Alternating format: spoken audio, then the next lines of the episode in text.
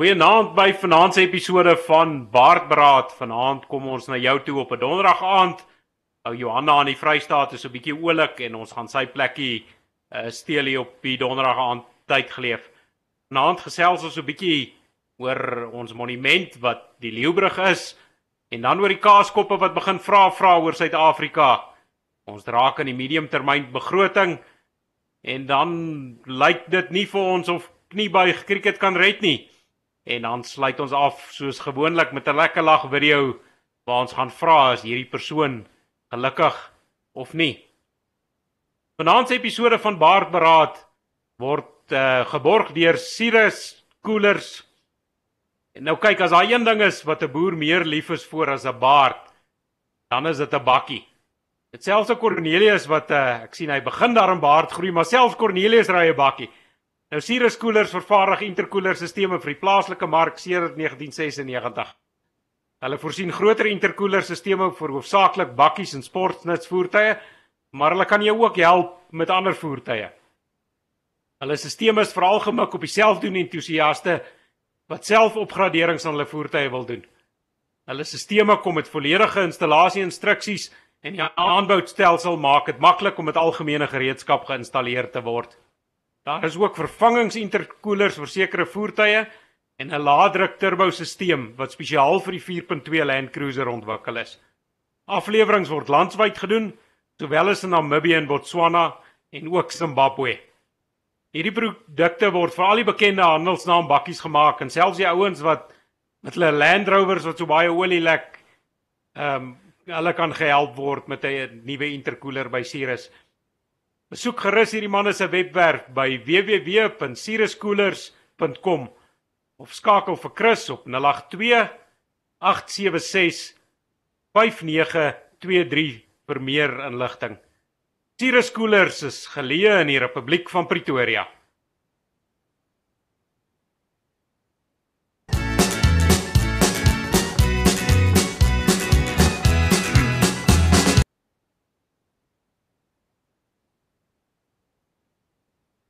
Goeienaand Kerneels, uh, baie welkom hier vir vir die tweede keer as 'n gas hier by Baardberaad. Baie dankie Alwyn. Dit is weer eens 'n voorreg om hier te kan wees en welkom aan al ons luisteraars. Ons hoop julle geniet hierdie program saam met ons. Ek moet sê ek het uh, verlede week so jaloers gevoel met jou wat met jou helikopter loods oorfone sit dat ek besluit het om maar uh, my mikrofoon nader te trek dat die ouens dan kan sien uh ons maar plotters met die baarde is dan nie te ver agter die brug nie. Nee, dit lyk heel professioneel alwen wel gedaan. Ek uh, glo jy daardie uh mikrofoon uit al die pad uit Duitsland uit gekry. Uh ons weet sommer met so 'n tipe mikrofoon gaan jy heelwat luisteraars kry wat nie jou kyk vanaand. As ek weet nou nie van die luisteraars nie, maar met hierdie mikrofoon help dit daarom om die lelike gevreet so 'n bietjie weg te steek, so dan skrik ek nie die mense so baie af nie. Alwen jy net pas op, hy steek jou baard weg. Uh, ek dink al oplossings sal wees om die baard groter te groei Cornelius uh, want uh van die baard gaan ek nie ontslaa raak nie. Ons sien uit om dit te sien. Ehm um, o ja, dan dan ja, soos ek sê, baie geluk. Ek sien uh ons het jou darm oortuig hier by Baardberaad. Ehm um, ek sien daar's ook darm iets wat gebeur daar op jou kennebak. Ehm um, en ons wil vir jou vrou sê baie dankie dat sy uh jou toegelaat het om 'n baard te groei en asseblief moenie laat die arme man sy baard afskeer nie. Ons is baie bly dat hy hom gegroei het. Dankie Alwyn, ek sal die boodskap oordra. Dit verf groot oortuiging, maar ek dink ek is so 'n jaar agter jou. So kom ons kyk hoe gaan dit. Ah, sy Cornelius, ja, ek wil nou net vir die mense sê, hulle moet maar verskoon as ek so nou en dan 'n sluk water vat. Ehm um, ek weet nou nie of Johan se kiem uh, of die geelgriep my beet gekry het nie, maar ek was so bietjie stemloos en ek sien die stem begin so bietjie krapperig raak soos ek so nou en dan 'n glas of 'n sluk water vat, verskoon my maar 'n bietjie. Ehm um, nou soos ouer gewoonte, begin ons met 'n lekker monument en hierdie keer gaan ons na die ou Transvaal toe, die Republiek van die ZAR, oom Paul se se republiek. Uh en hierdie is die Leeubrug. Nou die Leeubrug is oor die Apies rivier gebou. Uh die eerste brug is is um gebou in 1880 mense sal wat die datum sal onthou, dis nou dieselfde jaar as wat die Parakraal gelofte afgelê is en so jaar voor Majuba, maar uh die groot vloedwater het gekom en toets die hele brug weggespoel en toe het hulle hierdie nuwe leeubrug gebou in 1893. Uh wat merkwaardig is van van hierdie brug is dat op sy punte weerskante is daar elk 2 leeu's en hierdie vier leeu's is in Skotland vervaardig en is destyds geskenk deur Sammy Marks. Ehm um, en in op 31 Desember 1981 is hierdie brug dan as 'n nasionale gedenkwaardigheid verklaar. Nou Alwyn, ek wil nou gou by jou hoor, uh wanneer laas was jy self by hierdie brug in Pretoria gewees? Cornelius, ek moet bieg, ek was seker so 'n stuk of 15 jaar laas ehm um, by die brug, maar soos wat ek verneem met die nuwe Suid-Afrika ook sy tol daar geëis. Ehm um, jy weet idiote met met uh eh, pytverf kannetjies het hulle merke daaraan gebring en uh jy weet uh, blykbaar kry nou 'n wrangsmaak, maar dis nou nie van al die graffiti op die arme leeu's nie. Uh dit is ook van die Apies rivier wat daar onder deur vloei wat se water nie baie lekker vars is nie. Ehm um, jy weet soos soos die meeste riviere in strome hier in Gauteng is hy goed maar redelik vrot en jy weet jy kan maklike ouetjies sien verbydryf. Ehm um, jy weet met 'n ouetjie kan dit nou enigiets beteken. Ja, alwen ek uh, dink ook nou uh, soos meeste van hierdie ouer standbeelde, hoop ek maar hierdie standbeelde word nie in stand gehou nie. Die die die probleem waarmee ek dink ons gaan sit is is sodra die manne besluit om blink te begin vryf gaan hulle besef wat daar staan, so dan verloor ons dalk hierdie beelde. Ehm um, ja nee Cornelius, ons sal maar ons sal maar stil bly oor uh, dit. Ons sal maar net sê dit is pragtige sementleeu's vir vir die program vanaand. Ehm um, maar uh, ja, die mense kan gerus meer gaan lees oor hierdie merkwaardige monumente en ek moet sê, ehm um, dit is nogal indrukwekkend. Ek onthou toe ek 'n klein seentjie was, was ek saam met my grysse vader daar vir die eerste keer en dit het 'n dit het 'n baie groot indruk op my gemaak om hierdie leeu's te sien. Maar hulle was op daardie stadium was die leeu's daarom 'n bietjie jonger gewees en hulle ja, hulle was daarom nog nie gevandaliseer nie. Hulle lyk so mooi soos die soos die leeu wat ons hier op ons prentjie het vanaand. Ja, nee, Alwyn, ek sal uh, my seun ook moet vat om hierdie spesifieke leeu's te gaan sien sodat hy daardie geskiedenis kan waardeer. Hy was natuurlik al by baie van die ander monumente, maar ek self het nie van hierdie ene geweet nie. So dit is 'n punt om te maak en ek dink ek gaan so in volgende week gou deurry om my kinders hierdie monumente groot leeu's wat daar staan. Ja, ek is seker jy jy sal nie teleurgesteld wees nie. Eh, Cornelius nou 'n interessante ding wat nou in die nuus 'n berig wat nou opgeduik het so dag of wat gelede is dat ehm um, die Kaaskoppe, dis nou die Nederlanders vir die wat nie weet nie. Nou hierdie politici van die Nederlande of van Holland, ek weet nou nie wat wil die ouens hulle noem nie. Ek sien party Hollanders sê hulle is Hollanders en nie Nederlanders nie, maar in 'n geval daai ouetjies met die houtskoene wat so klok klok klok as hulle loop. Nou die ouens het daar in hulle parlement begin hulle nou aan hulle minister van van buitelandse sake begin hulle nou 'n paar lastige vrae vra oor Suid-Afrika. Ja, ek sien die manne raak opgewerk daarso. Uh dis natuurlik uit al hierdie inligting wat hier uit Suid-Afrika versprei word reg oor die wêreld. Dis uh interessant om te sien dat ons sulke tipe van reaksie uit 'n uh, plek soos Nederland sal kry of Holland soos baie mense sal sê. Ons moet maar besluit watter een van die twee dit sal wees. Maar ehm um, dit, dit is dit is goed. Dit is goed om te sien die wêreld daar buite begin kennis te neem van ons hier in Suid-Afrika om te sien wat gebeur met ons boere op die plase. Ons hoop maar net hulle het werklik die dryfkrag om dit ergens heen te dryf want uh, as ek myself nou nie misgis nie so 'n paar jaar terug het eh, 'n uh, soortgelyke ding gebeur waarby daarvan ons mense uit ons boeregeleedere in Holland en of Nederland terwyl was om die mense daar te gaan inlig oor die situasie van ons mense. Uh, intussen het dinge natuurlik so bietjie stil geraak. So hopelik vir al die regte redes begin die wêreld daar buite te verneem van ons hier in Suid-Afrika. Ja, ek sien Cornelius, uh, wat nou vir my interessant is is dat hierdie ehm um, ouens wat nou die vraag gevra het aan aan Stef Blok, hy is die minister van buitelandse sake daar in Holland. Ehm um, maar drie parlementslede het nou vir hom 'n paar vrae gevra uh oor onder andere die aanvalle op plase hier by ons en dan het hulle ook hulle kommer uitgespreek oor die ANC regering se beplande grondonteiening sonder vergoeding.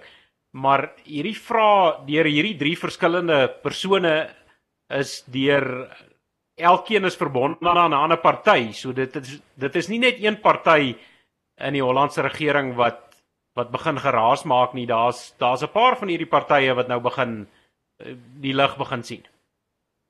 Dit is korrek alwen soos wat die berig ook lei. Dit is baie interessant om dit waar te neem. In die verlede het jy dalk 'n party, 'n enkel party op die kant gesien wat bereid was om te luister om mense van ons kant af te aanvaar en daardie kant om onderhoude te voer maar soos wat jy sê in die berig ook dit is wel so. So die algemene publiek aan daardie kant word al hoe meer bewus en ons het 'n soortgelyke ding wat in Suid-Afrika gebeur soos jy self weet in die media hierdie week. So ek dink die tendens begin nou wêreldwyd te stryk te strek. Dit is 'n tendens wat nie net mense wat redelik liberaal neig uh, te beïnvloed uh, nie meer te, te beïnvloed nie, maar dit gaan aan beide grense reg oor die spektrum, liberaal, regs, wat ook al hulle dit nou wil noem soos wat die media dit nou maar 'n stempel gegee het. Maar die algemene publiek reg oor die wêreld is besig om op te let wat hier aangaan en dit is vir almal wel 'n teken van groot bekommernis. Ja, ek sien um, een van die interessante goed is dat hierdie partye gevra dat dat uh, Stef Blok ehm um, jy weet moet oorweeg om hierdie plaasaanvalle by die Verenigde Nasies se Menseregteraad aan te meld. Ehm um, en wat vir my meer merkwaardig is as 'n ou so 'n bietjie terugkyk in ons geskiedenis, sal hy ont sal hy onthou dat Holland ehm um, een van die lande was wat wat die mees uitgesproke was teen teen die ou sogenaamde apartheidsregering. Weet hulle het hulle het baie steun gegee aan wat ons destyds gepraat het van die terroriste maar die ANC het hulle verskeie van die ANC se pogings befonds en ehm um, jy weet groot geraas gemaak teen die apartheidsregering en hulle was vir baie jare stil maar uh, lyk my as mens nou die tendens wêreldwyd begin kyk dan dan is die is die ANC regering se ehm um, uh, se witbroodfase nou verby. Die ouens begin nou sien hulle insien vir die skerminkels wat hulle is en en dit wat ons nou al jare lank voor waarsku en teen waarsku begin hierdie ouens nou raak sien.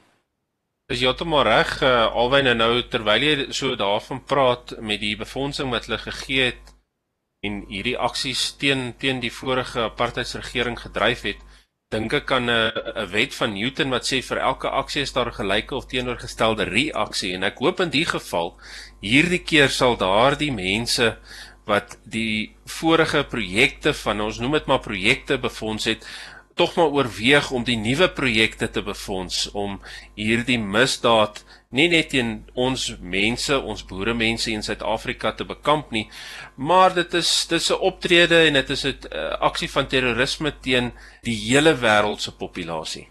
En ons hoop hulle sal bereid wees om op 'n manier uh, weg te kan uitsien om daardie tipe fondse weer hier te investeer maar vir hierdie keer vir die regte rede.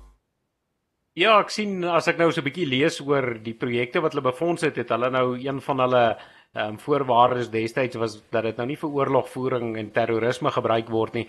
Maar intussen het hulle die uitvaagsels in die terroriste herberg gegee wat gevlug het uit Suid-Afrika, jy weet veilige vesting daar in Holland gegee en uh jy weet dan het hulle allerlei ander goed om die terroriste bevorder om hulle om hulle te help. Um, en hulle self nou getroos en sê nee maar dit is daarom nou nie vir vir terrorisme wat hulle bevorder of befonds nie. Maar ehm um, jy weet ek dink daai argument het nie heeltemal water gehou nie. Ons uh, as ons kyk hoe ons regering vandag wat uh, meestal uit daai tyd uit uh, maar kom hoe hulle fondse aanwend en misanwend dan vra jou die vraag hoeveel van hierdie goed is werklik gebruik vir vir ehm um, dit waarvoor dit gestuur is en hoeveel is dan wel gebruik vir terrorisme? Ja, korrek alwen ek dink as 'n mens moet gaan vra vir audit verslae. Uh een van die onderwerpe waar ons net oor gaan praat dan dink ek gaan hulle agterkom maar so die uh korrupsie het baie vroeër al begin. So ek ek hoop maar eintlik vir hulle part uh vra hulle nie daai verslaaf vandag aan nie. Maar ook uh, mag hulle mag ons en ons vra ook uh dat hulle wel sal help met befondsing. Ehm um, hierdie keer dink ek gaan dit wees om mense kos te gee. So dit sal wel vir die regte doel aangewend word. Ja, ek is ek is dankbaar. Ek is dankbaar dat die wêreld se se oë begin oopgaan en dat hulle die waarheid in Suid-Afrika begin raak sien. Ek meen plaasmoorde sukkel ons nou al etlike jare mee en uh weet die wêreld het maar grootliks ander pad gekyk en ons sien nou die groot optogte wat gebeur en ek moet daarom sê die laaste klompie jare begin hulle al in in uh Holland en België en uh weet die plekke begin nou al gesels oor plaasmoorde en die ouens begin bewus bewus word daarvan. Ehm um, so dit is dis tog 'n goeie ding as hierdie goed in in ander parlemente begin bespreek word en ek sien hulle praat ook van ehm um, hierdie minister van van buitelandse sake van hulle moet nou uh, met Suid-Afrika praat oor hierdie probleme by ons. Ehm um, ek dink nie ek dink nie ons ons regering waar hulle altyd al alles ontken het het die wêreld nou so 'n klein plek geword. Jy kan nie meer alles wegsteek nie. Die ouens begin die waarheid raak sien. Jy kan nie almal heeltyd vir almal lieg nie. Ehm um, jy weet iewers gaan jy uitgevang word. Ja, jy's reg al in die wêreld het 'n klein plek geword met sosiale media. Ehm uh, maar ons kan wel 'n versoek rig. Ek glo hopelik op 'n manier sal dit tog by die regte ore uitkom wat ons die mense hulle ouers of oupas of wat ook al wat uh, gehelp befonds het aan Suid-Afrika tot waar hy vandag is om dit te heroorweeg en tog maar nie net uit te, uitspraak te lewer hieroor nie, maar finansies aan ons boerekant, uh ons mense hierso is tog 'n belangrike saak. Die omstandighede is nie ten gunste van ons boere nie glad nie. En ons sien ook dat buitelandse investering in Suid-Afrika besig is om op te droog. So mag ons dalk hiermee dan ook 'n versoek rig aan die mense van Nederland om ons boere finansiëel by te staan. Aksie is tog waarin jy sê jammer vir dit wat jy verkeerd gedoen het. Ja, kan nie meer met jou saamstem nie en ons is tog, um, jy weet, is een van ons stamlande jy weet hier in in my are loop daar dik kaaskop bloed. Ehm um, jy weet ek is 'n de Klerk wat 'n uh, wat Hollandse afkoms is.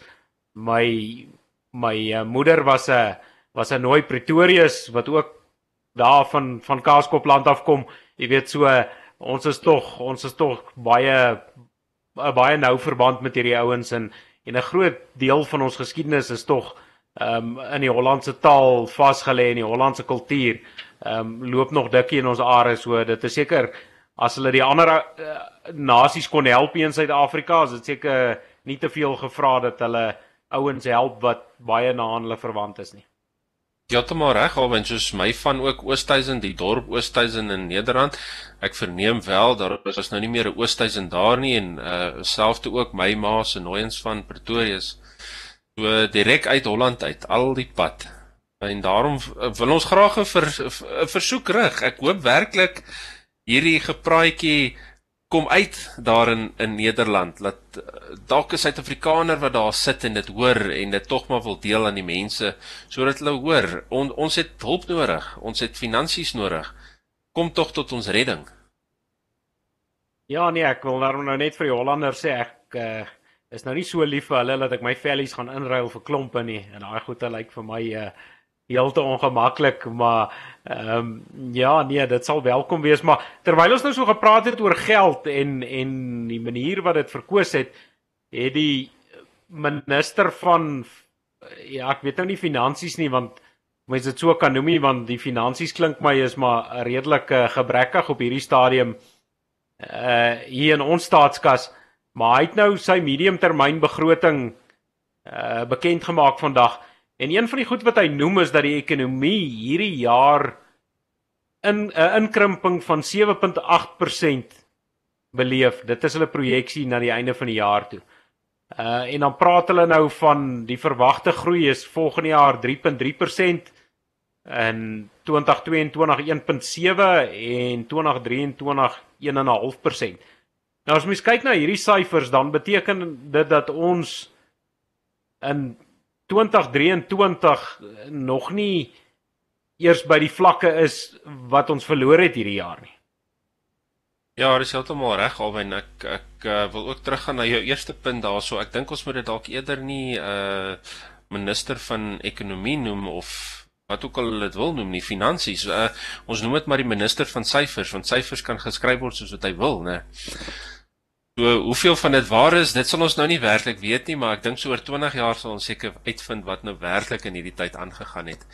Maar ja, dit is skokkend om te dink in die verslae wat ons vandag gesien het in die nuus en dit wat voor ter tafel gelees dat hulle ouer syfers van die nuwe Suid-Afrika gebruik het om te motiveer hoe die ekonomie opgetel was en hoe dit gegroei het ensovoorts ensovoorts maar ek dink tog wat hulle uit perspektief hou en wat hulle nie inbring op hierdie verslae nie was die aanwas in Suid-Afrika. In die tye net na die oorhandiging in 94 of so, het jy natuurlik 'n baie groot invloeks van buitelanders gekry wat Suid-Afrika ingekom het. So jy het 'n baie baie groot groot en aggressiewe populasie groei gehad.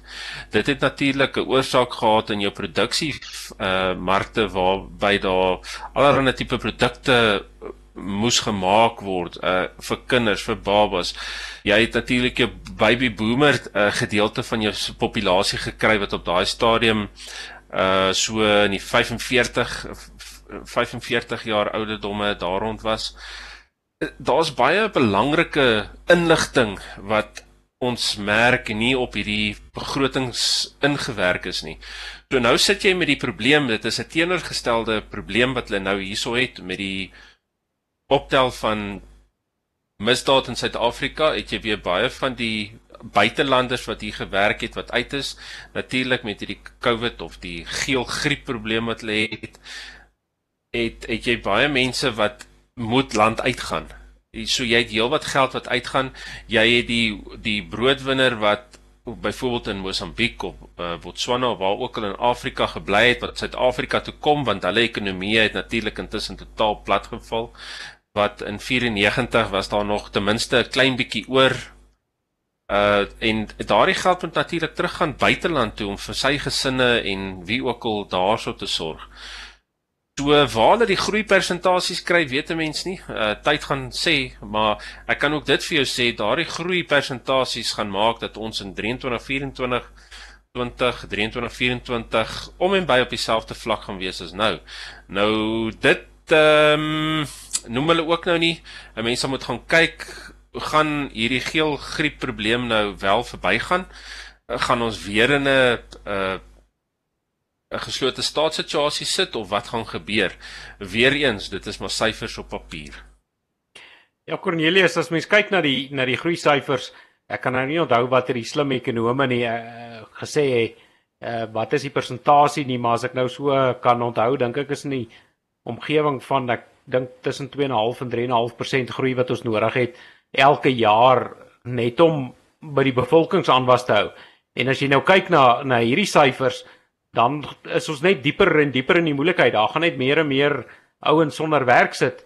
Ehm um, jy weet die die groei hou nie by die bevolkingsaanwas nie wat jy wat jy nou reg by genoem het. So ehm um, jy weet die ouens wat uit skool uitkom het net geen kans op werk nie. Ouens wat nou met die geelgriep hulle werk verloor het en nou hoor daagliks van mense wat hulle werk verloor het en maatskappye wat toegemaak het met die kanse dat daai ouens met hierdie swak groei syfers enigstens gaan 'n kans kry om weer 'n werk te kry is op hierdie stadium lyk dit nie baie rooskleurig nie.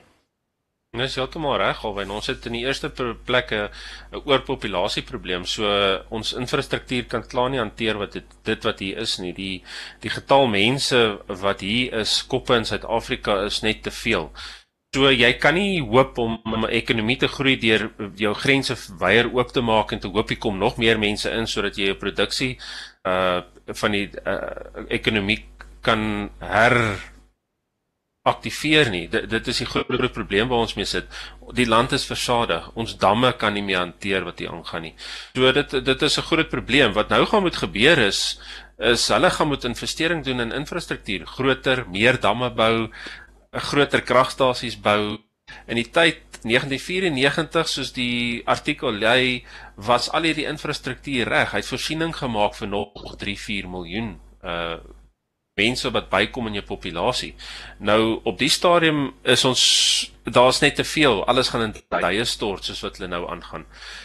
So dit is moeilik. Hulle sit met 'n uh, soos die Engelsman sal sê 'n catch-22 situasie. Ehm um, jaag jy die ouens land uit of laat jy nog meer inkom? Ek is bly ek hoef nie daai besluit te maak nie. Ja, kyk as jy as jy net na hierdie jaar se begroting kyk, die die begroting tekort wat hulle ehm um, voorsien Nou ek sê dis hierdie jaar se begrotingstekort. Dit is nie oor 'n lang termyn nie. Is 707.8 biljoen rand. Ehm um, so as jy dit dit dit terugwerk na 'n dag toe, dan leen die regering op hierdie stadium teen 'n tempo van 2.1 biljoen rand per dag. Dit is uh, tog nie 'n situasie wat volhoubaar kan wees nie. Nee, verseker nie, alwen ek jy weet jy, jy lees dit so dan begin jy dink nou die 500 biljoen en die 417 biljoen wat hulle gekry het so amper 9 net oor die 900 biljoen rand uh, tydens hierdie laaste 7 maande tydperk. Daar is natuurlik rente hefbaar en daar moet uh, fooie terugbetaal word op hierdie geld. So ek ek wonder maar hoeveel van daardie geld wat ons nou nog moet terugbetaal bo op die lenings wat ons as 'n land nou nog maak. Hoeveel van daardie geld vir die terugbetaling van daardie fondse is. Dit dit is 'n kommerwekkende situasie. Ja, ek sien die tegniese manne hier agter die skerms het my probeer reghelp met my biljoen en my uh miljard en al daai goeie biljoene, al die goeie wat nou nie lekker uh vir my sin maak nie, is te hopeloos te veel nulle. Ehm um, so jy kan daardie prentjie sien, maar jy sien Uh die probleem lê nou nie by ons klomp boere nie. As jy nou sien daai Engelse het nou iewers voor 74 en na 74 het hulle nou al hulle goede verander.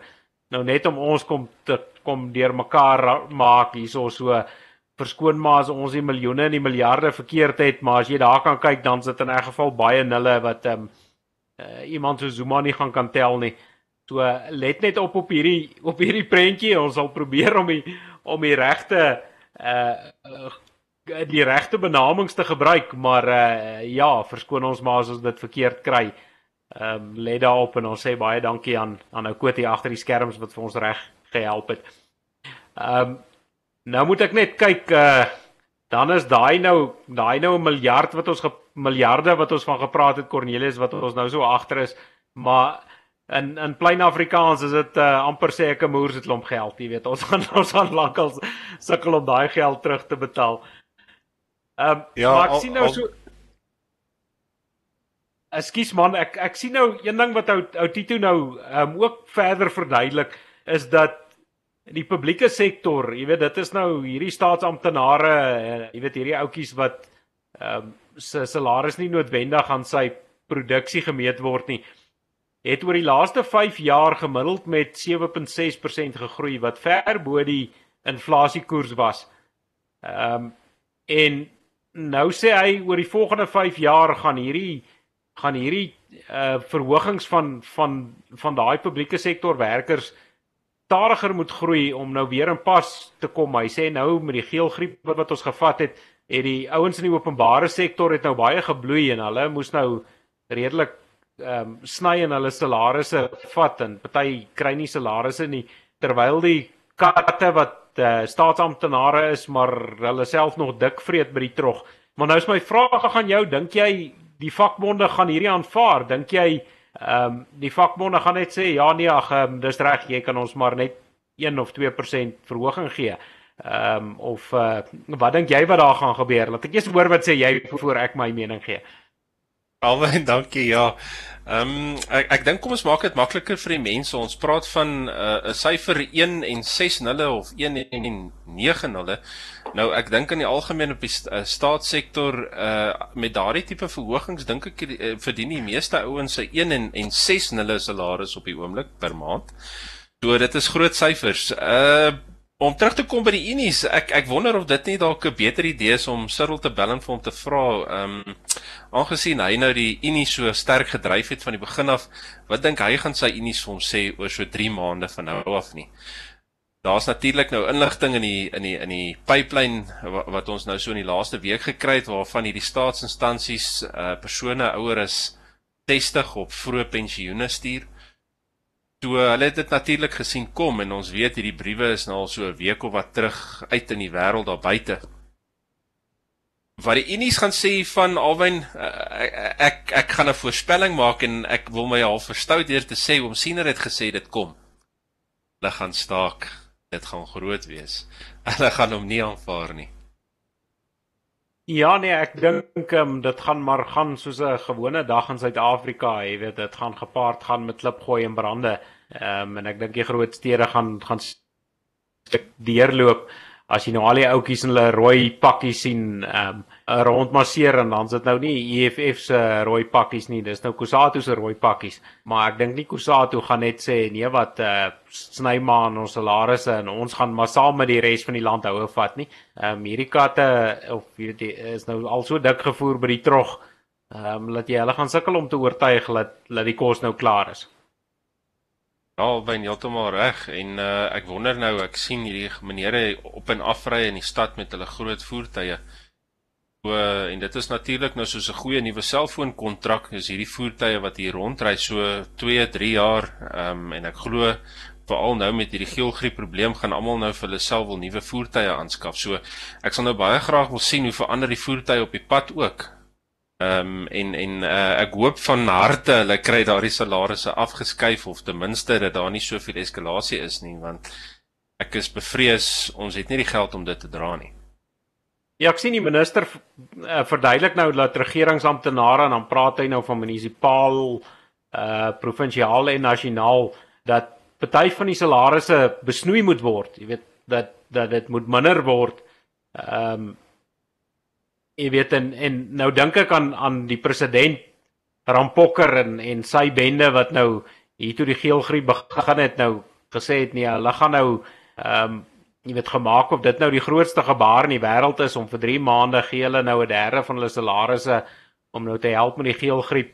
Uh maar die res van die tyd terwyl die meeste van ons nog sonder werk gesit het en nie kon werk nie en verhoed was om te werk, uh jy weet toe hulle al weer vol salarisse gekry, so hulle het nou maar um, net so ietsie gegee om om die land te laat beter voel, maar intussen soos ek gesê het, is hulle nog dik gevreet. Ek dink nie dit het dit het verskriklik iets aan hulle finansiële posisies verander nie.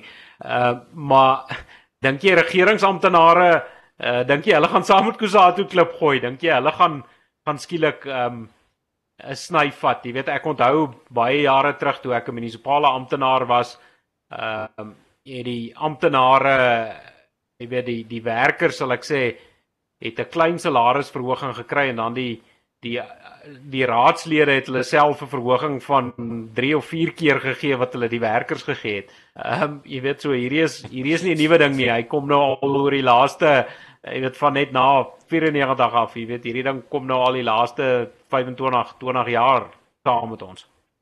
Ja nee, alwen gemaklik is 'n groot probleem in enige samelewing in die wêreld uh en en die probleem wat ons het is is hulle het gemaklik geraak en dit is 'n lekker lewe. So nou sê jy vir hom waar jy vleis geëet het in die aand gaan jy pap begin eet. Ek dink nie die staatswerkers daar buite gaan dit aanvaar nie. Daar is geen manier nie.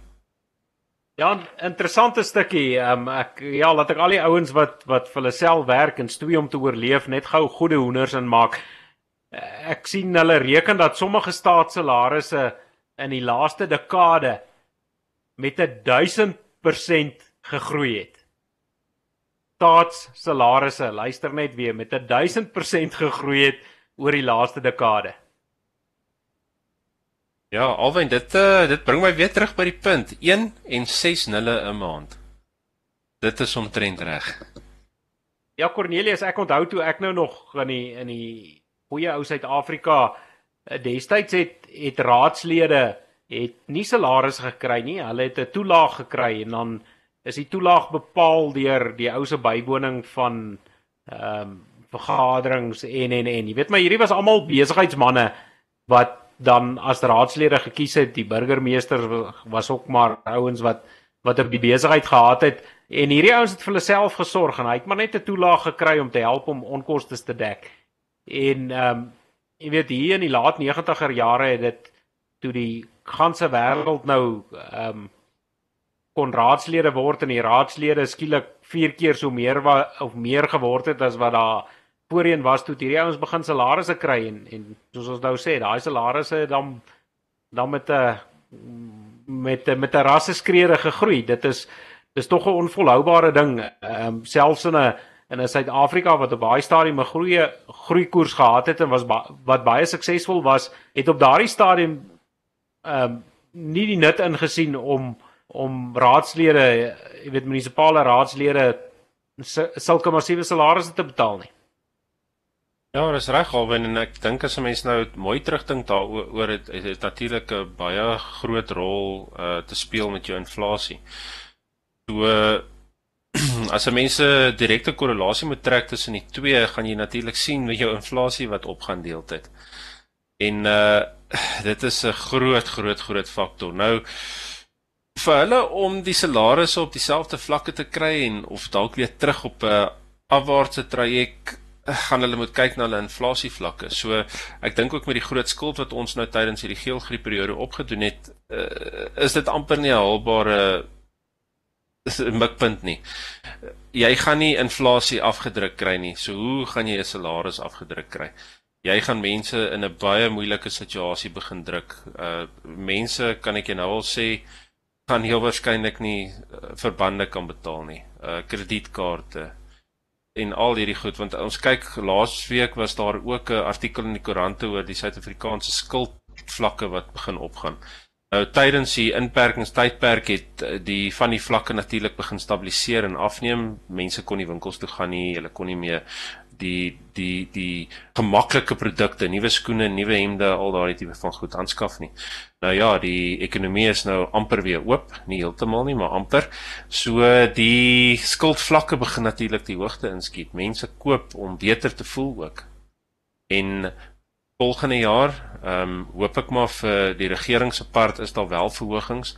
Dit uh, het baie te doen met 'n uh, eh, samelewing se motiveringsvlakke veral in sy laer arbeidsomgewings. So ek hoop maar ek hoop maar die plannetjies wat hulle maak kom reg want ek sien dit donker donker toekoms sou hulle hierdie probleem nie oplos nie. Ja, ek weet toe ek op skool was toe ons 'n sê ding gehad en ons het altyd gesê liewe ouers, ek is in die strooi tot by my skouers. Toe ek dink die regering sit nou daar, jy moenie nou jou kop laat sak nie want um, anders proe jy dalk dit wat tot by jou skouers kom. Maar ek sien nou terwyl daar nie geld is nie en terwyl die regering nou vertel van oral waar hulle wil besnoei, ehm um, deel hulle nog gulsig uit aan die aan die staat staatsbeheerde ondernemings. Ek sien ehm um, die minister het nou ek hoop ek kry nou my syfers reg. Quote, ek het nou hier maar anders geskryf. Ehm um, 3 miljard eh, rand wat hulle aan die landbank in uh, gegee het in Junie.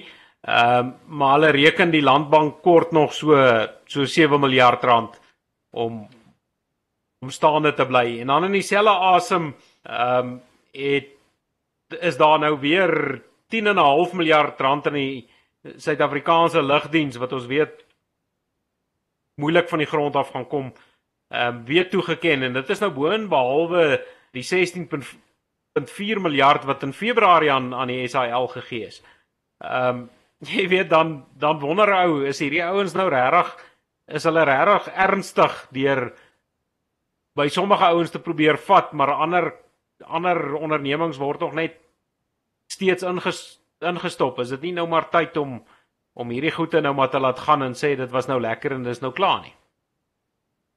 Ja, wen en en tog het ons in die koerante gesien op 'n stadium het hulle gesê nee, dis reg, hulle gaan SAL nou maar laat gaan, maar hulle is nou weer terug op die ou traject en ek kan nie dink dat die die die arbeidsmark in Suid-Afrika gaan gelukkig wees met sulke tipe van inligting nie. Uh om te dink jy moet nou jou salaris laat verminder of uh oftewel jy moet afgedank word omdat daar nou nie meer geld is vir die besigheid om jou te betaal nie. Dan moet jy nou gaan sit en krepeer en terugdink aan hierdie geld wat in hierdie staatsentiteite ingegooi is.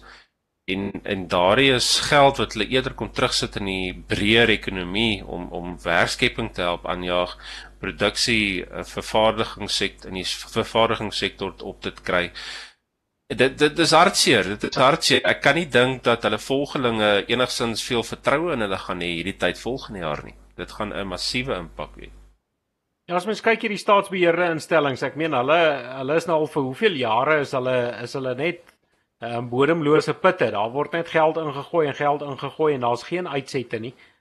Ehm um, en hulle bly hierdie monster voer.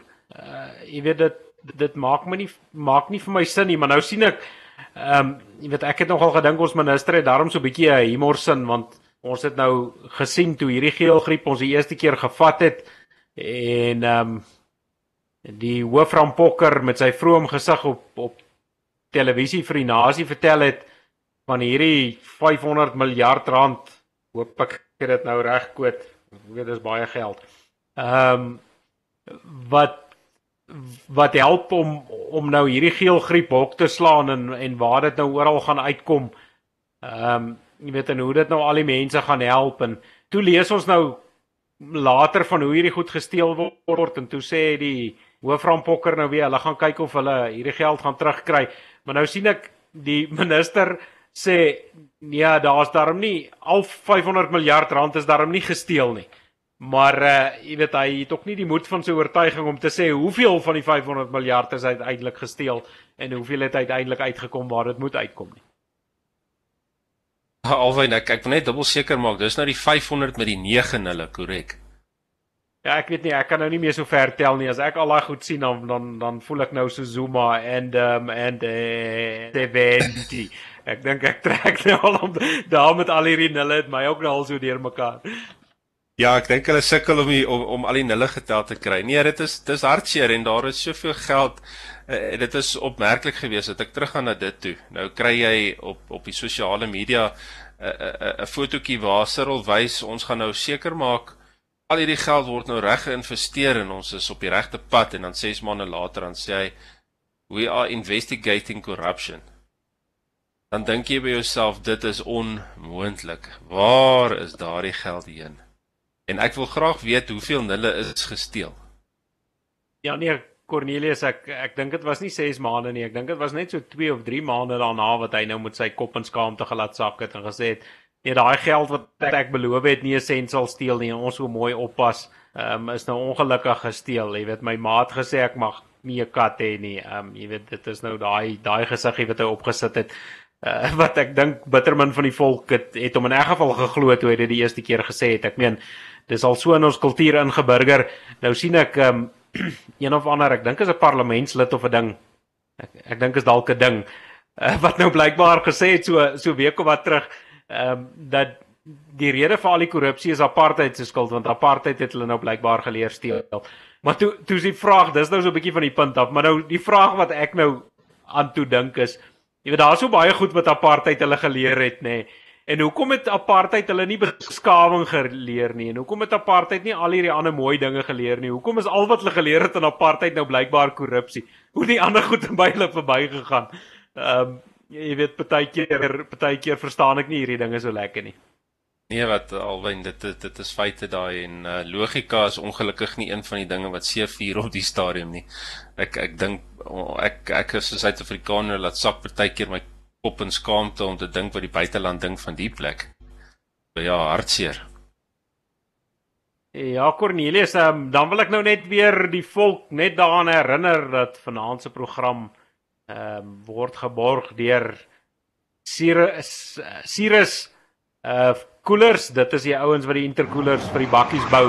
Ek self uh ry 'n Japaneese Ford. Dit is nou vir die manne wat nou nie weet nie, dis nou 'n Mazda ek moes so 'n tydjie terug moes ek 'n intercooler op die ding vervang en ongelukkig het ek nog nie van Sirius geweet nie.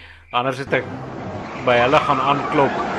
So as jy as jy wil uh jou intercooler opgradeer, jou bakkie bietjie koeler te laat loop. Ek weet 'n groter intercooler. Ek weet kan die manne wat nou meer weet van engines as ek is nou 'n beter ding. Ehm um, as hierdie goede wat hy nou moet koelhou goed koel is. Ehm um, ek sal nou nie regtig kan sê nie ek is nou nie regtig 'n ehm um, werktuigkundige nie, maar skakel gerus hierdie manne vir enige hulp of enige opgraderings en dan die die ryk manne wat nog die cruisers kan uh, kan bekostig. Onthou dan ook hierdie ouens se laadruk turbo stelsels wat hulle vir die 4.2 ehm um, liter cruisers bou, jy weet, eh, daai ouens met die cruisers het mos baie geld. Hulle sit allerhande snaakse goed op hom. Jy kan net sowel by Sirius aanklop vir 'n splinter nuwe ehm um, opgesoekte warm gemaak nee, is iets is 'n koud gemaakte koeler. Dis nie 'n is nie 'n warm gemaakte koeler nie. Ehm um, en hopelik is jou is jou bakkie dan nie so dors by die pomp nie. Maar Cornelius om nou na die volgende punt 'n uh, bietjie oor te beweeg. Ehm um, en verskoon my as ek nou so lekker kry. Ehm um, jy weet uh, hier met 'n glimlag op my gesig sit. Ek sien nou is nou nie net ons ekonomie wat so wat so diep in die moeilikheid is nie. Ek sien Cricket Suid-Afrika is is ook knie diep in die in die moeilikheid. Hulle het nou uh nadat hulle hoofuitvoerende beampte naderhand nie meer die raad se se nonsens kon opvreet nie en die minister nou begin dreig het om in te gryp oor al die kaperjolle wat daar aangaan, het die hele raad van Suid-Afrikaanse kriket nou hierdie week besluit om te bedank. So Suid-Afrikaanse kriket is op hierdie stadium raadloos um, en radeloos. Ja nee, alwen ek uh, self was betrokke in in klub kriket baie jare terug. Ek ek dink nie ek gaan dit nou meer maak nie. Maar ja, ek ek wonder of hulle nie maar moet oorweeg om uh, hierdie kriketspan eerder te uitverhuur in Engeland of een van die ander plekke nie want uh, dit lyk vir my met die gebeigery die laaste ruk het hulle nie reg gekom nie. So ek ek dink hulle het meer ouens wat nie saamgestem het nie as ouens wat saamgestem het oor wat gedoen moet word en wat nou eintlik nie gedoen moet word nie. Ja nee, as mens kyk elke kriketspeler wat omtrent op sy knie gegaan het met sy gebalde vuisie in die lug. Ehm um, ons sien daar agter die, die Windies, maar hier by ons het die ouetjies net so te kere gegaan en party van hulle ehm um, was nou nie so lank in die son deurgebring soos daai cricketspelers wat ons daar sien nie wat nou gedink het dit gaan sy joppie red as hy um, op sy knie gaan. Maar jy weet ek dink ou moet hierdie impak besef. As die minister van van sport ingryp by cricket Suid-Afrika ehm um, jy weet dan kan ons geskort word uit die internasionale cricketraad. Jy weet die die Olimpiese uh wat wat is hulle titel? Die Olimpiese sportkomitee dink ek ehm um, wat al die liggame by geaffilieer is verhoed dit enige uh, politieke inmenging en dan kan hulle jou uit internasionale sport uitskors. Ehm um, ons weet wat met gebeur het in apartheid Suid-Afrika en dis wat ons destyds gekos het en uh nou lyk dit my is dit nie baie jare in die pad af nie en nou nou sit cricket met dieselfde probleem. Ja, alwen absoluut hartseer. Dit is 'n uh, mens moet tot onthou uh, die cricketspel in Suid-Afrika kom ook na 'n hele paar jaar. Ek is presies seker nie dat ek hierdie goed op skool laas bestudeer en 'n taak daarop gedoen, maar dit is dis baie jare wat wat 'n infrastruktuur in 'n in 'n land soos ons in opgebou is en hulle het hard gewerk, mense het hulle lewens gegee hiervoor. Uh die geld wat hier ingepomp is uh, om te dink dat ons nog 'n paar jaar terug van die beste cricketspanne in die wêreld gehad het. En dan al wat dit gekos het om om hierdie hele struktuur uh, die trots wat die sportsmanne in Suid-Afrika gehad het op op op sy knieë te bring was letterlik vir 'n paar ouens om hulle knieë af te gaan en dan natuurlik 'n ou geelgriep wat in die pad gekom het. En mense sou gedink het dit sou hulle sterker gemaak het, maar hy het die teenoorgestelde effek gehad. Nou dit bekommer 'n mens maar jy weet uh, hulle beskou ook maar sport as 'n baie belangrike deel van enige jong man of dame se groot maak. Ons mens moet leer om in spansport deel te neem. So jy weet nou het, nou het ons nou nog net uh, een of twee ander sportsoorte oor. So hierdie een is lyk dit vir my gebreek. Ek dink nie hy gaan herstel nie uh veral nie waar jy soos jy reg sê waar jy politieke inmenging het nie. Uh as jy gaan kyk na die politieke politieke stelsel in Suid-Afrika, is hy self ook maar 'n bietjie gebreek. So ek kan nie sien dat hulle hom gaan regkry nie. Ja, kyk, een ding wat ou moet onthou van die cricket en en dit dit is wat my seker nou so 'n bietjie bietjie 'n lekker lekker kry gee met die nonsens wat hulle nou insit. Ons moet onthou dat in 1992 dink ek tydens die referendum ehm um, was die cricketspan op op hulle eerste wêreldbeker gewees. Ehm um, en dit was 'n groot bohaai gemaak gewees. Ehm um, die eerste keer ons word nou weer toegelaat om internasionaal mee te ding en dis ons eerste wêreldbeker en in die tyd wat die wêreldbeker plaasgevind het, was die referendum in Suid-Afrika En toe almal vir ons vertel, nee, maar as as 'n nee stem nou wen, dan gaan hulle nou hierdie cricketspan terug huis toe stuur. Ehm um, dan gaan hulle nou nie laat hulle verder deelneem nie. So net 'n ja stem kan kan hierdie cricket ouens nou laat bly deelneem in die wêreldbeker. En uh ja, van 92 tot nou toe kon cricket in 'n geval nog nie een wêreldbeker wen nie. Maar ek is seker dit dit het 'n klomp ouens uh wat sport mal is uh, op 'n stadium met ek ook sport groot gevolg, het dit 'n klomp ouens se se uh, politiek so geswaai dat hy 'n stem uitgebring het ter wille van van cricket en ehm um, nou kan ons sien, jy weet, dit is maar alles hoe sing daai ander ou sade in die wind, gras sade in die wind of so iets. Ehm um, jy weet dit het alles eintlik soos die prediker sê dit dit dit het tot niks gekom nie.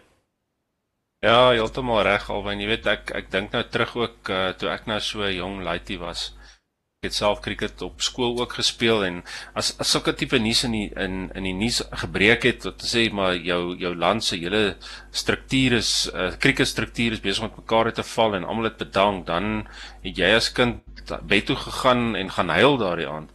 Nou ek dink nou my my kinders weet nie eers hiervan nie. So dit dit is hartseer om te dink dat so 'n sport sport soveel invloed gehad het op ons mense en vandag is hy eintlik maar niks veral nou. Ek ek regtig ek glo hy is weg. So, so kom ons kyk maar wat gaan gebeur vorentoe. Ja Cornelius as ons nou so 'n bietjie 'n ligpuntjie op die einde van van hierdie sport kan sit ons moet daarom onthou daar's uh, liggame wat hulle wat hulle beywer vir volks eie sport Uh, jy weet sport hoef nie hoef nie 'n professionele sport te wees nie. Ons het groot geword met amateursport. Ehm um, weet om te bly bestaan nie en jy praat van kinders wat en mense wat nog steeds moet deelneem. Daar's niks wat wat jou verhoed om om uh jy weet bly deel te neem aan sport nie. Ek weet een van my grootste hoogtepunte van van my jaarlikse rugby kalender is lankal nou nie meer soos die meeste dink die Springbokke teen die All Blacks nie. My hoogtepunt van my rugby kalender elke jaar is die Oranje Rebelle teen die Kleinfontein Krygers. Ehm um, wat speel om die Volksstaat beker, jy weet, dit is vir my deesdae 'n baie baie belangriker koppie as die William Webb Ellis koppie wat almal so gehande hoor is. Ek kyk baie eerder volkseie sport waar klomp amateurmanne speel vir die liefde van die spel en liefde van die saak. Ehm um, en waar ons teen ons eie kan kan meeding. Is heeltemal reg alwen en ek wil 'n opmerking maak daaroor. Ek dink daardie twee spanne staan 'n baie goeie kans om die Springbokke te wen. ja, hulle hulle hulle sal met 'n bietjie oefening, jy weet as die manne net met net genoeg genoeg oefening kan kry. Uh, maar ja, daar's 'n paar, daar's 'n paar eisters en 'n paar harde manne. Ou Cornelius, ons sluit altyd af met so 'n lekker ou ou lag storie. Ehm um, nou nou wil ek vra hierdie ou, dink jy hy was gelukkig of ongelukkig? Maar al wanneer jy my vra, ek kies die die bord in plaas van die kar. So my uit my oogs die oogs oogpunt uit is hy baie gelukkig. Hoorie maar wat vir my snaaks is is ons het nou juist oor sport gepraat. Kyk, maar daai ou het 'n sy stap soos 'n waffer se senter aan hom. Maar ongelukkig sy stap hy toe reg in die bordjie se pad in. ja. Ja, albei dit is 'n uh, uitsonderlike situasie hierdie, maar ek ek dink sy sy stap was reg. Die bord is die probleem. Ja nee, ek ek dink die arme man sit met 'n sit met 'n redelike kopseer. Ek dink hy gaan 'n panade op 3 nodig hê na dese. Ja, nee, verseker. Ou Cornelius, dit bring ons weer aan die einde van ons program en uh ek wil vir jou dankie sê dat jy dat jy weer vanaand deel was daarvan en ehm um, soos ek sê baie dankie dat die baard aankom. Ons sal ek sal met vrou lief praat of as vrou lief ehm um, klaar laat sy met die manne by baardberaad kom praat. Ons sal ons sal haar oortuig. Dankie Alwyn vir ware voorreg gewees om hier saam met julle te kon wees vanaand en ons hoop die kykers het dit geniet. sien uit na toekomstige programme. Asai baie dankie. Dit bring ons dan aan die einde van vanaand se baarbraad program en onthou asseblief om die manne daar by Sirius Koelers te gaan ondersteun. Ehm um, die manne doen goeie werk en hulle het baie goeie produkte en jy kan sommer die ding by jou huis laat aflewer en hom sommer self insit ons boeremanne is mos nie bang om ons hande vuil te maak nie. Tot volgende week. Boere groete.